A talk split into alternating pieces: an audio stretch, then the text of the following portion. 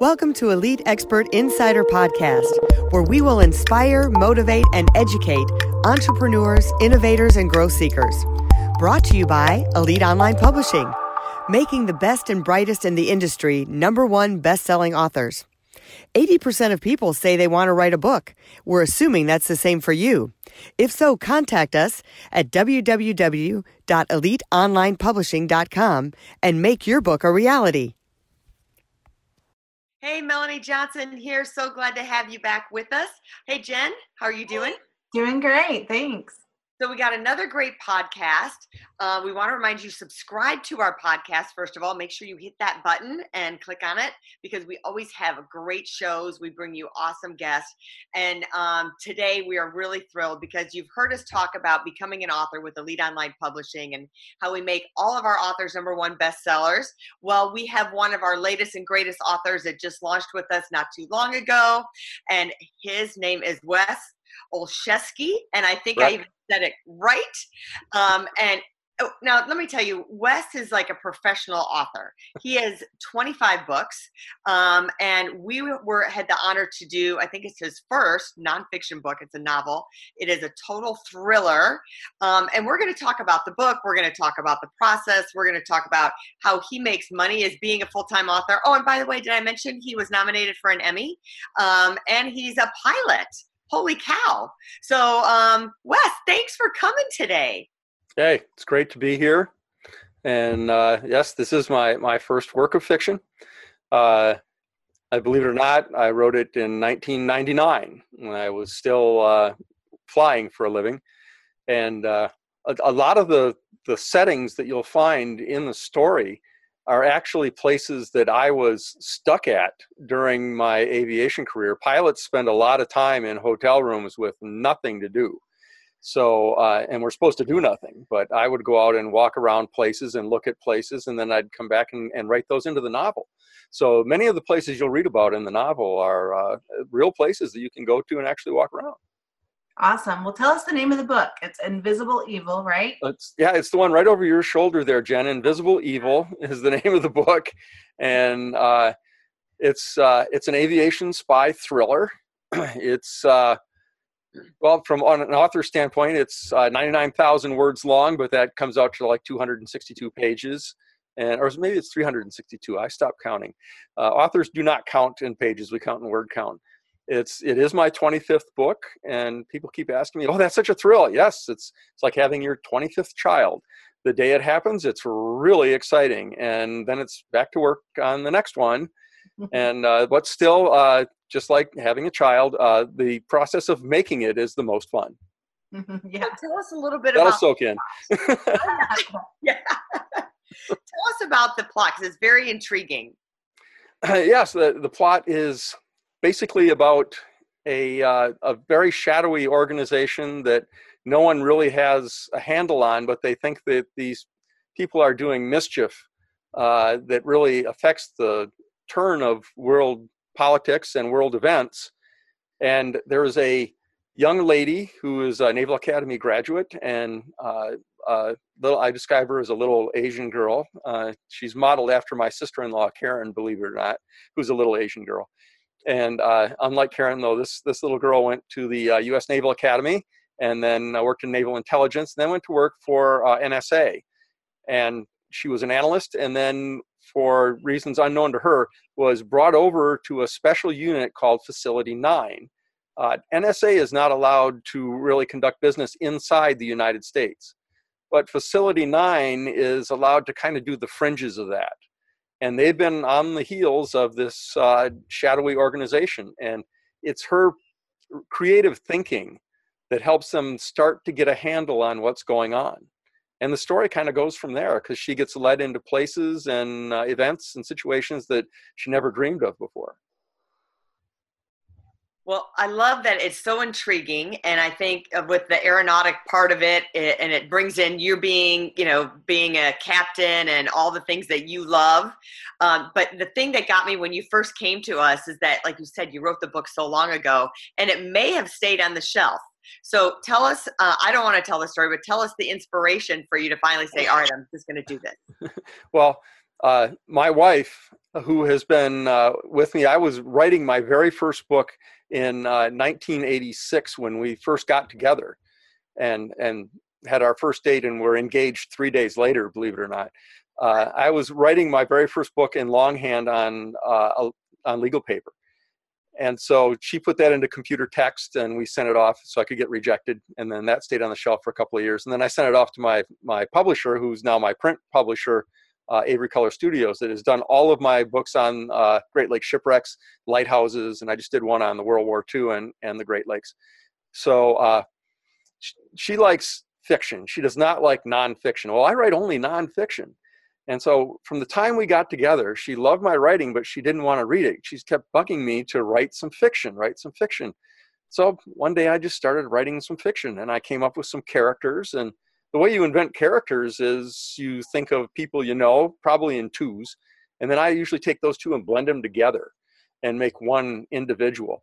And then you give them a personality and you give them a background and then you put them into the story and see what they do. Let your imagination run with what they're going to do and what they should do, what they shouldn't do, what they won't do so I got going on that, and the book just kind of flowed. Uh, unlike nonfiction, you really don't have to do that much deep, deep research in order to get your facts straight. So I went with what I knew. Uh, I went with being a former airline captain and the aircraft that I had flown. And then I went with being a corporate pilot and those aircraft that I had flown.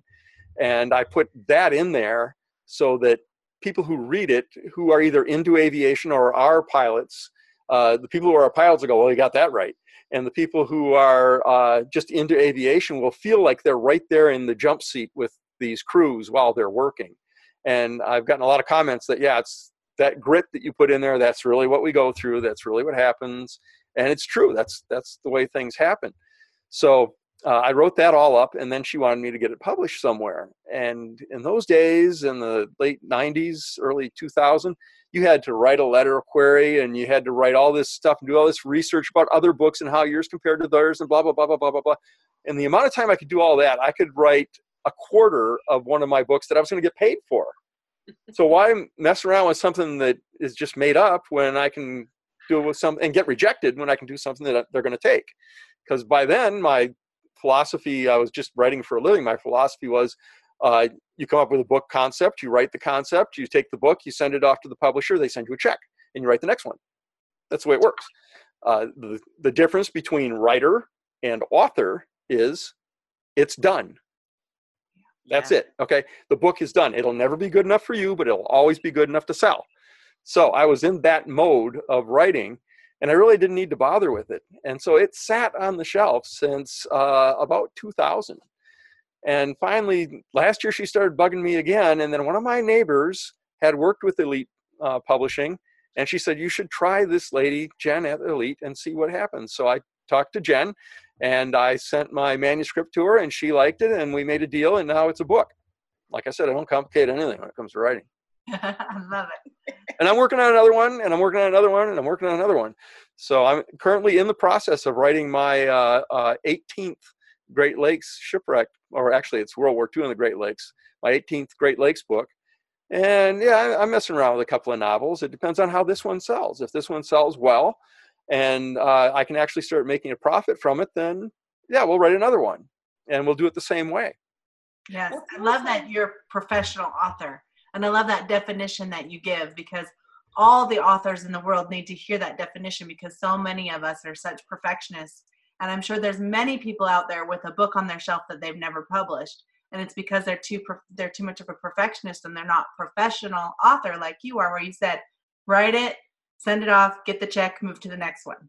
Right and uh, when i was still in college uh, you know, I was a writing maniac in college, and they, I got into a creative writing class. Picture that, me in a creative writing class. It's like a shark in a goldfish bowl. and uh, the instructor uh, at Embry-Riddle Aeronautical University in this writing class gave us five book a five thing assignment. It had to be a thousand words on each one of those, and you had to write something like a play, and you had to write a model story, and blah blah blah. These five different things you have to do. The class met once a week. When I came in in the second week, I had all five. And so I got an A, right? Give me my A. And he said, Well, you, I hope you keep coming to class. And toward the end of the semester, he brought in a professional writer to talk to the class, but he told me on the side, I mainly brought this guy in to talk to you because I think you're the only student I've ever had who can actually go out and do this. And that was his rule was finish. It's done. That's the rule. And uh, he said, everybody gets hung up in, I got to go tweak this character. Well, I don't, if I tweak her, then he has to do this. And I took, no, no, no, you don't do that. Okay. It's good. Send it off. And if you want to tweak it, do it in the next story. You can do it in the next story. So uh, it's something, and the actual instructor in that class had a novel he'd been working on for five years. And he told me, he says, Well, yeah, but you know, I have to do this with this character. And I told him that. I said, You know, the word I just got and that I'm going to follow is the one you should follow. It's done. Yeah. And guess what? He published, I think, three books so far. So that's that's the story. That's how we do it in the profession. That's the professional way. I flew like a professional and I write like a professional. This is a job. Your book is not your firstborn child. It's not. It's a product to be sold, period. You make a product, you sell it. You get the check, you make another product, and you sell it. That's the way it works. And if it's good, you sell enough that you can make more. Right. I love that. If you suck, you're in, on your own. But so no, I'm, I'm kidding. Uh, it's a lot of the stuff that I read that have come from people who are just quote writers is Yeah. great. Stop playing with it. Send it off. And a company like Elite coming along in this internet era made it so easy for me to get this done. It was so easy. And you folks do the thing that I cannot do. You do the publicity. You do the getting out to the public. This that we're doing right here, not something I'm good at. Okay. I can sit down, I can write 4,000 words in a day and think that's not quite enough. Uh, but this part, uh, telling the story is great. I'm a great storyteller. I have a smooth pen. But this part, the publicity part, is the part I can't do. And that's what I hired Elite to do. So that's what Elite is doing for me. And here I am. there you are. So that's what I was going to say. I mean, this is a totally different publishing process than what you normally have gone through in the past years. So I want to know, like, kind of what was different about it that you really said, yeah, that works better for me or made it easier for me. That's that's simply what I just told you is the fact that you have that other layer. My current uh, print publisher likes to work uh, gift shops and museums and some mail order and that sort of stuff. And then they do some book shows and they show you off and you get a few sales and this and that. And then I get a nice check. Okay, uh, not enough to get rich on, but it's nice. Uh, what you folks do is very different. What you do is uh, you work the web net. Uh, you work Amazon. Uh, it took me forever to get my print publisher on Amazon. And uh, you folks have the button on Amazon. Amazon right now is the biggest in the world place of books. Yeah. So when you go in there, you've got to go in with all of the inroads plugged in, everything all the way around. And I recently did a six book spaceflight series that I tried to do myself on Amazon, and I found out that my downfall, my bad side is I'm not good at publicity. I'm not good at getting out there in the social media and getting it done. So uh, that's one of the things I hired Elite for specifically. Now, uh, the backstory of that is since I have so many other books and I'm getting into all these other areas, guess what? All of my other books are going to have coattails. And royalties are interesting because royalties come from books sold. Books don't expire, they don't go bad on the shelf. Yeah. Yep. So the more my one book sells, the more the others will follow. My name is easy to find. I'm the only Oleszewski in Amazon. There are no others in Amazon books, just me. See my last name, enter it, books, all my stuff comes up. So, as a matter of fact, when I first started getting published, I asked the publisher, should I change my name? You know, something like Collins or something, something simply said, absolutely not. You have name recognition. If they like your book, they're going to go into the bookstore to look for the next one that's on the jacket of the book that's got the long Pollock name starts with an O. That's going to be you, and they're going to buy it. And that's the way it has worked since 1992. So tell us, why would we want to buy Invisible Evil? Why should we buy Invisible Evil? Evil. You want to buy well. Uh, Pitch the brand. Pitch- why, why would someone out there want to buy Invisible Evil? Uh, well, number one, if you're an aviation person, uh, you might find it very refreshing. This comment I've gotten to have somebody who has actually flown the line, somebody who's actually been in the cockpit, who knows aviation, writing about it and getting it right. So often you find material that's written about aviation, and, we pilots read it and we go, no, uh, I don't think so. and mine is the opposite. Mine is, yeah, okay, this guy's been there, this guy's done that. That detail is perfect. That was that's the way we do that. Uh, there are people out there that will read the part about the Falcon jet breaking Mach 1 and say, well, you can't do that. Uh, anybody who tells you the Falcon 10 can't break Mach 1 hasn't done it. So it's not certified for it. And I'm not going to say I did it, but I'm going to say that the uh, breaker for the horn is right here behind the first officer. Anyway, uh, that's the that's the reason why aviation people want to buy it. Uh, other people, if you're just into uh, thrillers and and spy things that that will keep you going you're going to like this because uh, the biggest comment I've gotten so far is it's not cookie cutter. No one can predict the end, the end because if you read a lot of fiction, you kind of know where the end's going to come. All right, I'm a horrible person to go see movies with because I'll I'll see the first 25 minutes with my wife. and I'll go, oh, and she'll say, oh, you've got the ending. Stop it. You know, just stop it. So then I went to just writing a little note, and I'll be writing a note. She'll say, put that away. Wait until it ends. But that's because these things are cookie cutter. I never read fiction.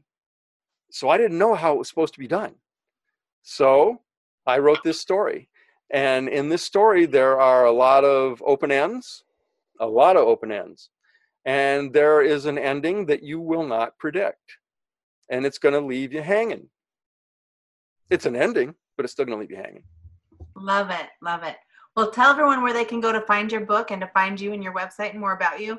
And one thing we didn't even talk about, we'll have to talk about another time, is you're also a cartoonist and you've got a cute little uh, ant over there wearing a bomber jacket. Yeah? Yeah. so people can check it out. Where can they go to find you? Uh, well, uh, I'm not going to tell you where my home is. It's, when you get enough books out in publication, uh, you got a lot of nutcakes come out of the out of the woodwork. I don't want anybody to know where I am. Online, but, uh, online you can find my book at Amazon.com, and uh, it's in books. It's under Invisible Evil. Uh, if you look up just my name, in Amazon books, you'll find it. Uh, if you want to find my Great Lakes works, uh, once again, just searching Amazon under my name, a lot of my Great Lakes stuff will come up. Uh, even the stuff that's been out of print for a while will come up. Uh, I once had one of my favorite books uh, come up for nine cents. that's been out of print for a long time. I, I bought it because I just didn't want it out there at nine cents. So anyway, uh, but uh, my cartoon strip can be found on uh, the Aero-News Network, which is uh, Aero news.net and it comes out every Friday and it comes out every Monday. So Klyde Morris is the name of the, the cartoon strip, Klyde with a K, Morris, common spelling. And I've been doing that one since I was in college. Uh, that was a, a huge hit when I was on campus in college and wrote it in my second semester as a freshman. And the dang thing took off. And next thing I knew, I went from being the nobody that I wanted to be in college to somebody that everybody wanted at all their parties and everybody wanted to meet me and everyone had their picture with me, which was a good prep for this job. Yeah. But uh, at the time, you can't let it go to your head. And I suddenly realized they didn't want me at their party. They wanted that guy at their party right there. The cute little ant character, you know, they didn't want me. So, uh, and I brought it to the internet after I graduated from uh, college and got into the aviation business. And it's an aviation aerospace editorial cartoon strip. So that's where I take my political punches is right there in that. And uh, I don't do that in this book. This book is, it's got politics in it, but it's not about politics. Mm-hmm. So. I love it. Wes Osheskley. Osheskley. I can't even say it. My mouth is Wes Osheskley. No. it's coming out. My Ol- Oleszewski.